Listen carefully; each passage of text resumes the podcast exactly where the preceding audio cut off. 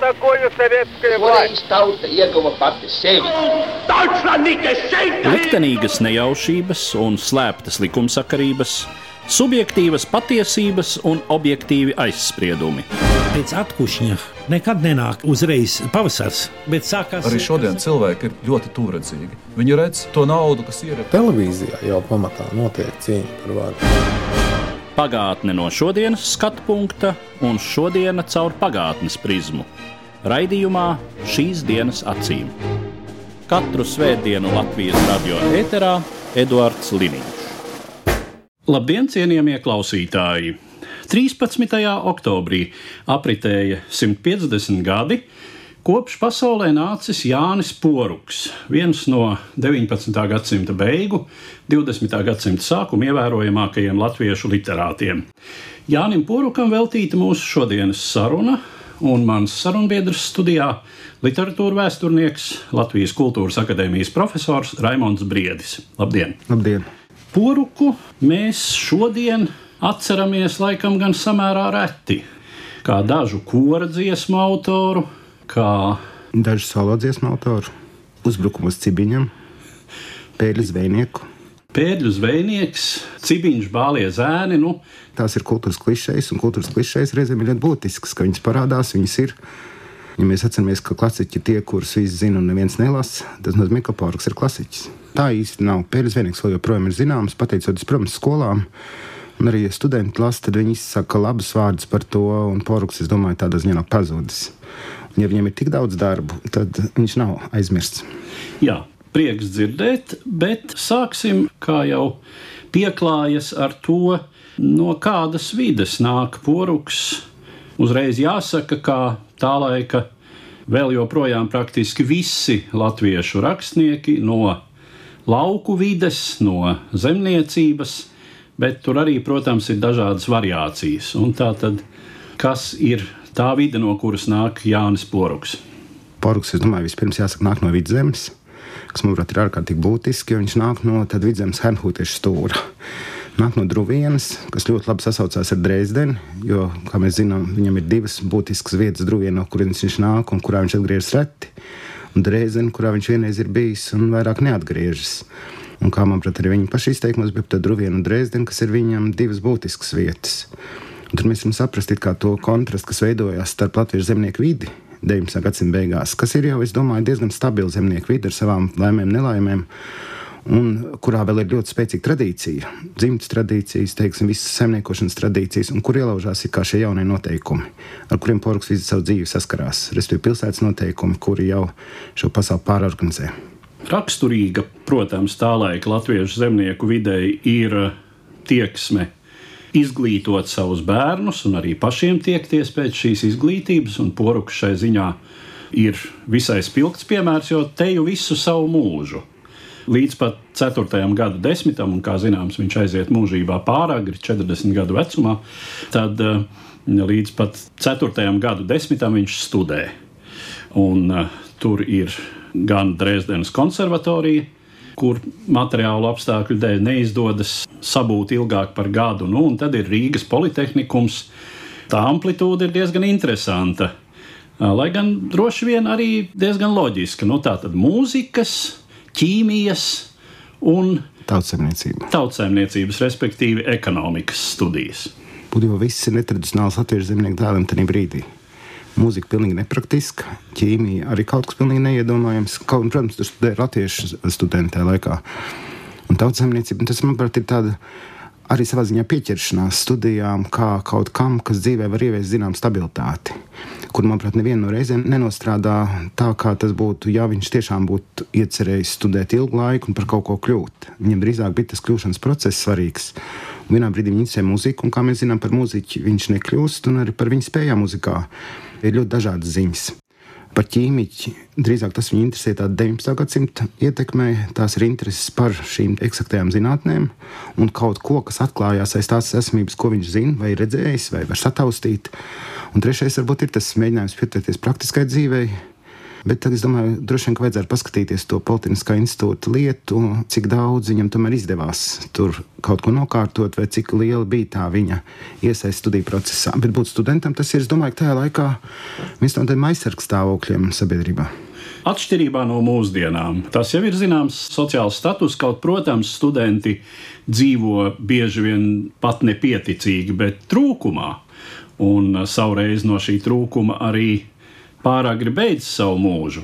Tas nav poruka gadījums, nav tas klasiskais, ka tas ir dilonis vai kas tamlīdzīgs.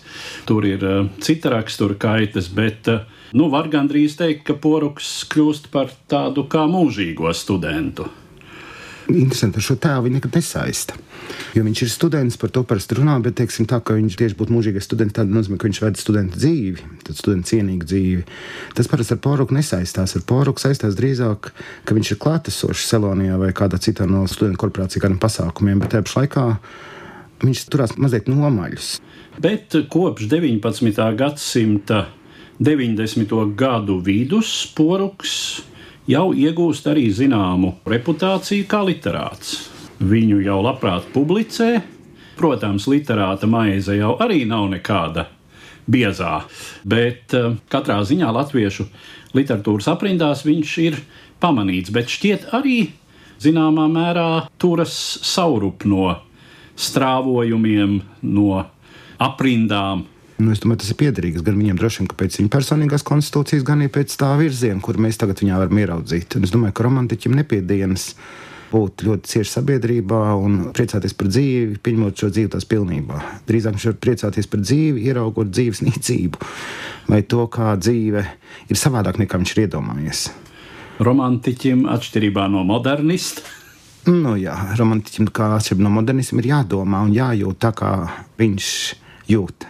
Jā, bet tagad nopietnāk par šo daļradas metodi. Es domāju, ka poruka gadījums ir pietiekami zīmīgs, lai mēs pāanalizētu tās robežas, kas parasti tiek vilktas.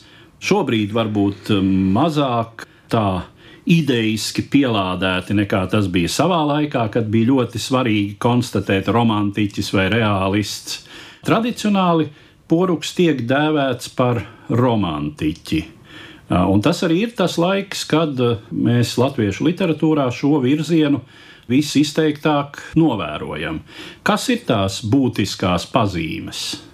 Manuprāt, tur jāsāk ar to, ka latviešu literatūras situācija ir atšķirīga no tām kultūrām, kurās šie virzieni rodas. Un šeit šie virzieni, ja mēs domājam no mūsdienu viedokļa, viņi tiek pieaucēti ar laika nokavēšanos un droši vien kā daudz neskaidrāk. Un es domāju, ka nākot no tās vidas, ko mēs minējām, ja tad lauka un tradicionālā vide, un šī uzticamība tam, ko es redzu, ko es jūtu un kādu veidu es realitāti uztveru, sadurās ar kaut kādu pilnīgi citu veidu pasaules uztveri, kurā šis indivīds kļūst ar vien būtiskāks.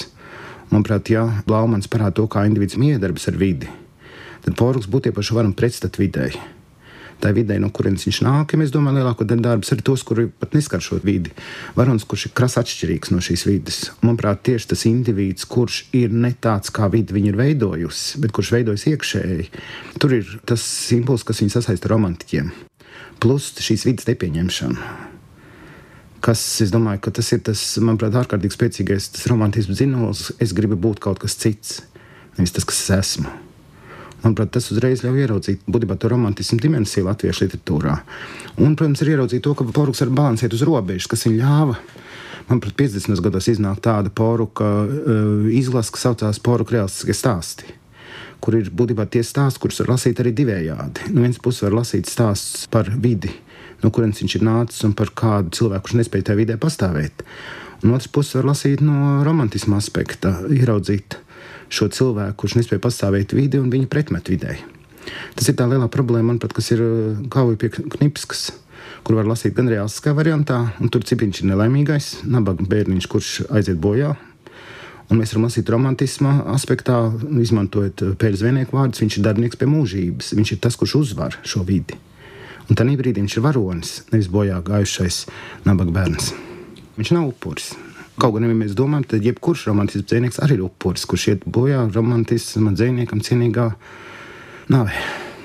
Vēl, protams, poruka sakarā tiek piesaukts arī tāds apzīmējums kā neo jaunu romantiķis vai saskata arī poru kā simbolisma elementus. Arī laikam kaut kas tāds, ko saka par salīdzinoši daudziem tā laika latviešu literātiem, teiksim, izteikti Rainis. Bet arī, manuprāt, Raina attīstībā ir tieši tas pats princips, ja viņš iznāk vai iznirst no tāda drīzāk romantisma pieejas pasaulē. Viņš uh, vienā brīdī tiešām kļūst par simbolistu. Tad, manuprāt, tur ir tāda terminoloģija. Mēs varam domāt par romantismu kā tādu, un romantismu klātbūtni latviešu literatūrā, salīdzināt to ar teiksim, vācu romantismu. Mēs varam aplūkot viņu 19. gadsimta beigās, kad uh, Eiropā lielā mērā lietoja apzīmējumu jaunromantisms vai neoromantisms uz laikmetu fona. Vai tas, kas manuprāt šobrīd ir pavērsies, ja mēs runājam par simbolismu laikmetu tad iezīmēt gan Eiropas simbolus, gan šeit, būtībā šīs romantiskās vai neoromantiskās strāvas tiek iekļautas simbolisma ietvaros. Līdz ar to tur veidojas dažādas apakšstrāvas, kur viens impulss ir no šī klasiskā laika posma, un, un ir impulss, kas nāk tieši no Eiropas simbolisma laika. Līdz ar to tur ir poruku un Wagner attiecības, poruku un Nīčas attiecības, kuras vairs nav tīri tādas, kāda būtu poruku, teiksim, noveļa attiecības vai kāds cits vācu filozofs vai dzēnieks. Kādas tad ir šīs poruka? Literārās un filozofiskās ietekmes, jo tas ir laiks, kad latviešu kultūra, latviešu inteliģence to brīdi iepazīst un kāri tver tos nozīmīgākos impulsus. Vācu romantisms, arī vēl apgaismība, nu mēs zinām, top pirmais fausta atzējojums latviešu valodā. Mazliet vēlāk Nīčes tā runāja Zaratustra. Ļoti tuvu Tas ir dažu gadu atšķirība. Mūsdienās rēķināt, līdz ar to viņi arī nonāk vienlaikus pie latviešu lasītājiem. Un būtībā viņi veido tādu vienotu lauku, kurā sadurās vienalga gēta un nīča vai strīdi par gēti vai nīču. Bet tur ir viens tas plašums, ko piedāvā gēta, un tā uzdrošināšanās, ko piedāvā nīča. Un tad ir tā, ka viņi paši šaubās starp šo vēlmi aptvert pasauli kopumā un otrs izpaust sevi, nereiķinoties ar šo pasauli. Jā, reizēm šķiet, ka tā ap gadsimtu mīju un vēl līdz pat 5. gada revolūcijas atplūdu laikam latviešu literāti teju vai dalās gētistos un nīčāņos. nīčāņos jā. Tur var domāt teiksim, par 90. gadu paudzi, kas ienāk nu, no Vendermauma, kurš tikai nu, kā paudzes šeit autors saspazīs poruka un blaumaņa, teiksim, vai ar niedru, kur centrā tomēr būs uh, gētis tiekšanās uz skaidrību, arī poruka tiekšanās uz skaidrību ir vēl no tā atskaņa. Un tā paudze, kur kā Elgas, kur teica, ka vienā kabatā revolvers, otrā tā runāja Zaratustra. Tā paudzē gēta vairs nebūs tik būtisks. Līdz ar to 90. gadu paudzei, tad pat 10 gadus vecākiem dzīsniekiem un rakstniekiem ir kabatas grāmata, ir Fausts, un gadsimta sākums sākas ar Nīča kabatā. Kaut gan ja mēs zinām, tad Blaumans ir viens no pirmajiem Nīčas popularizētājiem. Tieši tāpat kā Poruks. Vēl Nīčas dzīves laikā, kas ir, manuprāt, pat būtiski. Runājot par poruka personiskajām, individuālajām izvēlēm, kādas varbūt bija tās alternatīvas teiksim, šim mēģinājumam studēt rietumos, cik šī izvēle bija tam laikam raksturīga un kas poruku aizvilināja uz Dresdeni. Nu, es domāju, ka viņam pēkšņi radās iespēja, ka mūsdienās tātad divas semestri Erasmus studijas, kuras nav pārāk veiksmīgas jaunam cilvēkam kuram tiek piedāvāts izbraukt no Krievijas impērijas. Šeit Poruks ir atšķirīgs no citiem, ka viņš nemācās Krievijas impērijas, teiksim, Tērbatā vai Maskavā vai Pēterburgā, kas būtu tradicionālās augstskolas, bet eh, turklāt sev ir tā izbraukšana, kā to dara Vācu Baltu patrīciešu dēli. Pēters Zālīts studēja Vācijas augstskolās, Emīls Mengās studēja pēc tam Dresdenes konservatorijā. Līdz ar to tas nav tāds galīgi neiebraukts ceļš. Tas drīzāk būtu tāds varbūt izņēmums, kas prasa, es domāju, vairāk līdzekļus. Ja Politehnikuma pasniedzējs Vestermanis finansēja poruka braucienu uz diviem semestriem, kas vēlāk aprauž šis finansējums. Līdz ar to poruks arī ir tādā dīvainā situācijā, jo viņam nav kādu šo vecāku nodrošināto līdzekļu. Vecākam tajā brīdī, cik es saprotu, ir ļoti grūti. Situācija nav labvēlīga un pat uh, psiholoģiski nav labvēlīga porukam. Uh, Un es domāju, tas arī sakāpina viņa izjūtu, ka viņš nonāk pie tā par mecenāta līdzekļiem, pie kā viņš pats eh, nevarētu nonākt. Plus izmanto laiku, kā viņš uzskata to par labāku. Bet uh, nedara to, ko viņam vajadzētu, ja viņam būtu jāraksta atskaits par šiem braucieniem mūsdienās. Bet tā paralēli tāda man šķiet zīmīga un diezgan arī pamatota. Viņš divi semestri. Jā, ļoti labi nofliderē šo laiku, labā nozīmē. Sākot no, ko viņš piemina, cik reizes viņš apmeklējis glezniecības galeriju, kā viņš ir gājis uz kādām studijām, kurās viņš vairāk apmeklējis lekcijas, kas nav saistītas ar muziku, un viss tā jauno mākslinieku dzīve, kura ir jau veidojusies savādāk, kāda viņam Rīgā pēc tam šeit netiek piedāvāta. Es vienmēr domāju, ka Poruks būtu dzīvojis kāds desmit gadus vēlāk un ar līdzīgu likteni tad es domāju, ka viņam varbūt tā situācija būtu daudz mierīgāka, jo tad izveidojas Rīga kā tāda kultūras megapola pēc pirmā gada, tieši pēc Rīgas tās jubilejas. Šeit tiešām ir ārkārtīgi daudz viesmākslinieku, kultūras dzīve ir ļoti plaša, un es domāju, arī tā kultūras cilvēku dzīve, nu, vai vienalga mēs varam saukt bohēmu, ir mazliet atbilstošāk teikt, ka mēs šodien par to domājam. Jo, ja mēs iedomājamies to 90 gadu Rīgu, 90 gadu Rīga vēl nav tā Rīga, ko mēs pazīstam. Tā vēl ir tas kontrasts, kas ir starp koku mājām un jaunceļojumiem namiem. Tas ir tā, mēs nevaram iet tagad pa bulvāru loku un teikt, šo redzēju jau poruks. Mūža beigās, jā, bet es domāju, tieši 90 gados, kas būtu būtiski. Tur vēl tas kontrasts starp latviešu un vācu vai patrīciešu un zemnieku dzīvi latviešu dēlu ienācēju Rīgā dzīve ir vēl ļoti lielā kontrastā. Viņš joprojām ir tajā it kā latviešu zonā. Atpakaļ pie literārajām ietekmēm. Mēs piesaucām Gēti un Nīči, bet kas vēl ir tie paraugi, literārie skolotāji, kurus poruks mēģina atdarināt? Droši vien, ka varētu nosaukt ļoti daudz, ja skatītos tos darbus, kur poruks par to ir atstājis ziņas. Bet ļoti eklektisks kaut kas Un es domāju, ka mēs arī izceltu citus darbus, nekā tie būtu būtiski pašam porukam. Un es domāju, ka viņa paraugs bija vācu literatūra, uz kuras pamata viņš bija kaut kādā veidā audzis. Es domāju, ka tur varētu būt ļoti sarežģīts savienojums. Un es varētu atsaukties mierīgi uz kaut kādiem vācu romantiķiem, bet es nevaru nekādā veidā to pierādīt. Lasot tā izjūta ir, ka kaut kas tiešām tuvu Hofmanim var būt viņa realistiskākajās izpausmēs Jā, tur mēs varētu ieraudzīt arī dažādu veidu grotesku vai, vai tam līdzīgu, bet tur būtu jāsaka, būtībā tur ir mums līdz galam neidentificējama vācu romantiķa un vācu 19. gadsimta vidus literatūra. Plus, protams, klasiķi, kurus viņš piesaugs un kuriem viņš pretosies. Es domāju, viņa paraugs ir arī tas, kas ir latviešu literatūra.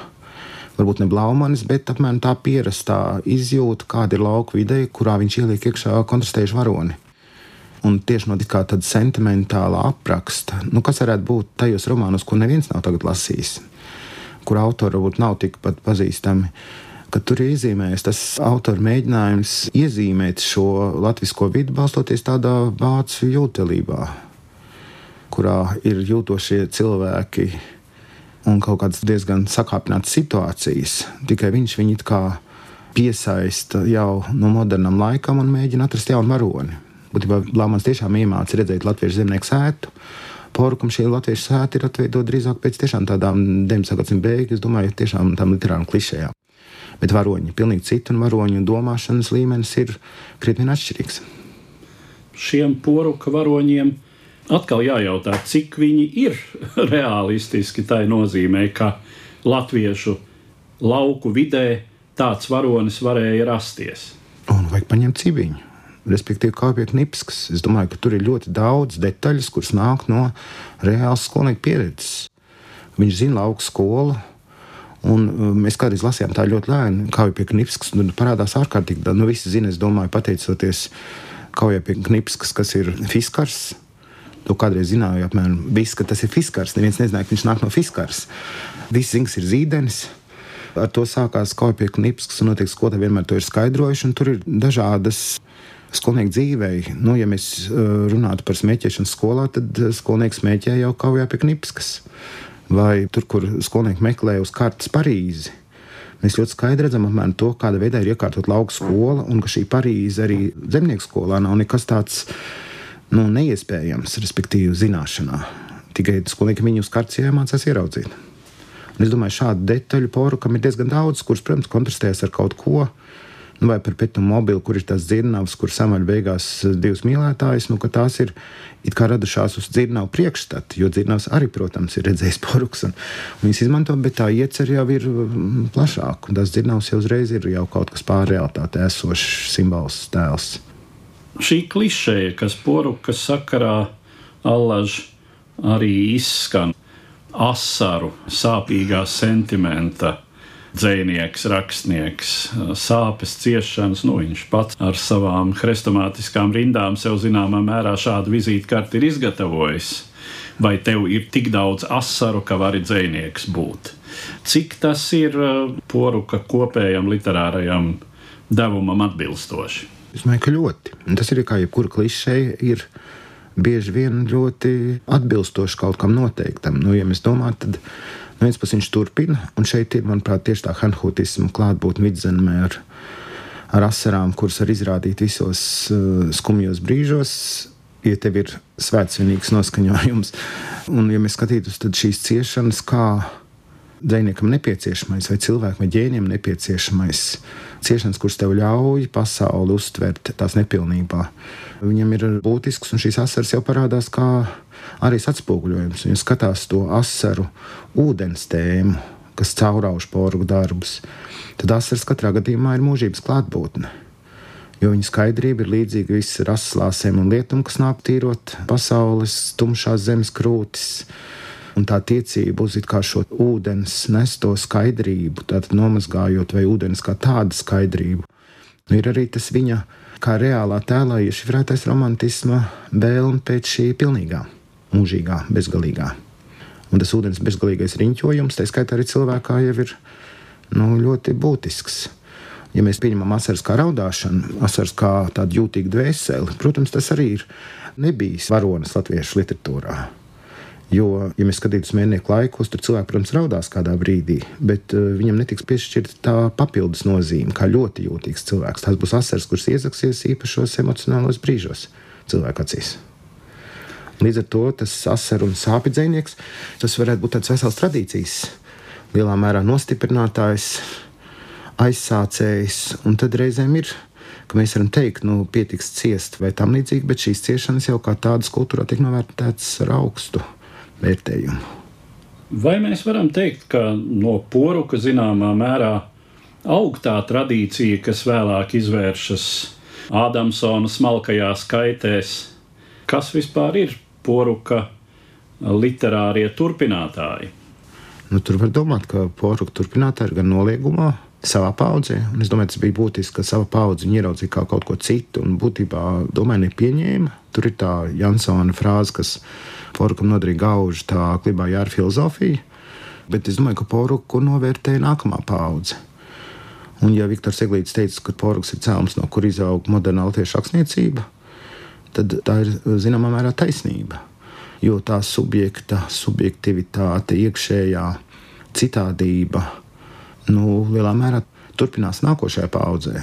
Nu, ja mēs tiešām domājam tos, kurus var klasificēt kā neoromantiķus, daudz spēcīgāk vai kā simbolistus, Un es domāju, ka viņš aizsāk arī jā, to, kas ir saistīts gan ar 20. gadu novelistiku, gan arī vēlāk. Un, ja mēs domājam par to sentimentalitāti, kas arī ir poruka tradīcija, jo, ja tā padomā, tad poruks īsti populārs kļūst 20. gados, kur tiešām var ieraudzīt, ka vidusskolnieki izmanto poruku leksiku un pilnīgi neadekvāti. Bet mēs varam teikt, viņi nonāk līdz lauku skolai, kurā visi mācās smalki izjust smalki runāt un izjust romantisku atmosfēru, pastaigājoties pa kapsētu.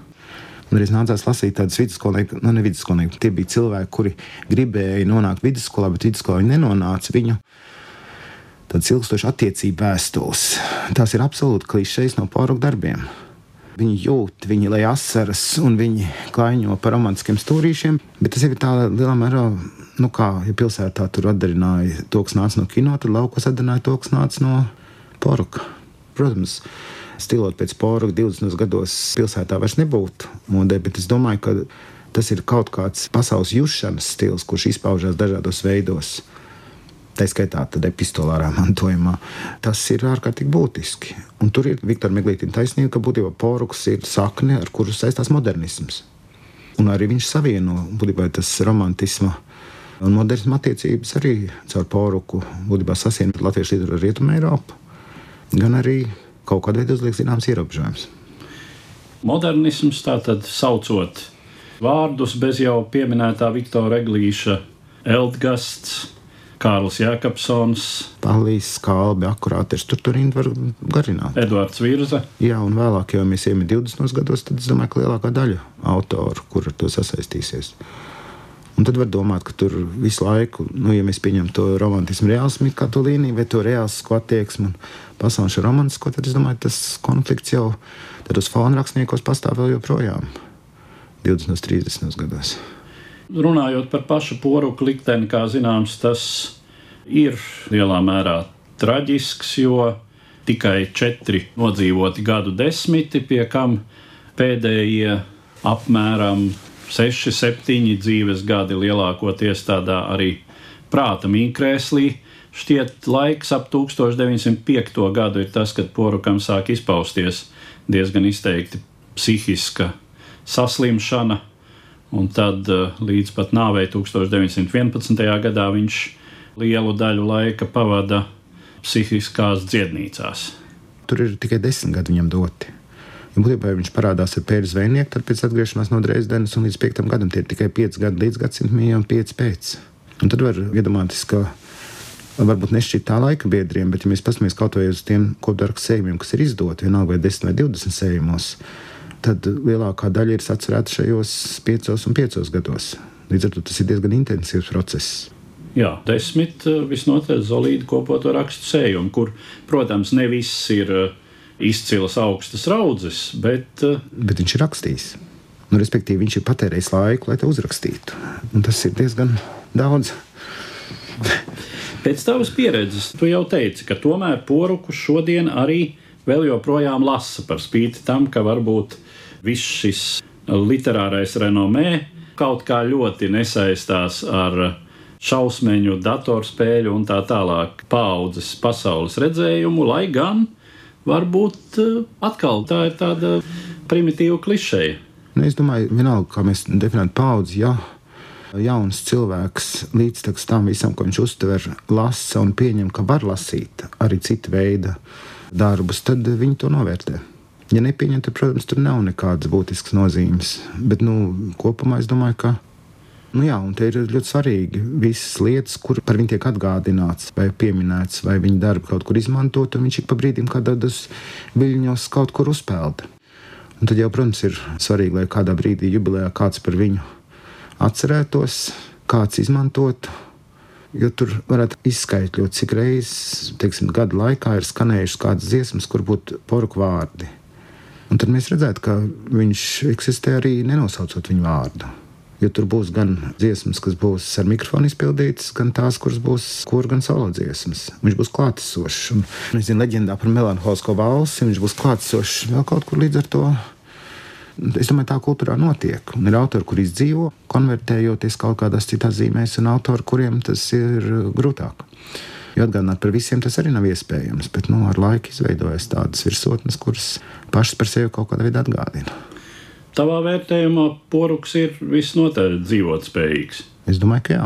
Nu jā, gal galā kauja pie knipskas mobbinga tēma. jā, jā, jā. Es domāju, ka kauja pie knipskas ir tā, kas vienmēr ir, kā es kādreiz teicu studentiem, ka es esmu piedzīvojis vismaz četreiz mūžā lielos uzbrukums cibiņam dažādos medijos, un es domāju, ka viņi savā dzīvē vēl piedzīvos kādus uzbrukumus, bet tieši tas, ka cibiņš ir kļuvis par vienu no uzbrukuma objektiem, nu, tur autoram ir jābūt ģeniālam, ka tādu tēlu viņš var radīt. Ļoti daudz traģiskos likteņus, kas ir bijuši arī latviešu literatūrā atspoguļot, neizmanto šādam nolūkam. Bet uz cibiņu vārdu reaģē, uz buļbuļsāģi reaģē retāk, bet uz cibiņu es domāju, ka cilvēki reaģē. Un tas ir kā bārda teica, ka augstākais, ko dzīvnieks var radīt, tas ir mīts. Nu, šajā gadījumā ir radīts mīts par cibiņu, tad poruks savu dzīvi ir piepildījis. Jo tas cibiņš dzīvo ilgāk nekā 120 gadus, vairāk pat nu, tāda literam ar 120 gadu vecu vēsturi, es domāju, nevajadzētu kautrēties. Ar tādu secinājumu tad es arī gribu noslēgt mūsu šodienas sarunu, kas bija veltīta Jānim Porukam, kopš kura dzimšanas mēs šogad atzīmējam 150. gadsimtu, un saku paldies manam sarunbiedram, literatūra vēsturniekam, Latvijas Kultūras Akadēmijas profesoram Raimondam Briedim. Katru svētdienu Latvijas radio viens par pagātni sarunājas Eduards Līniju.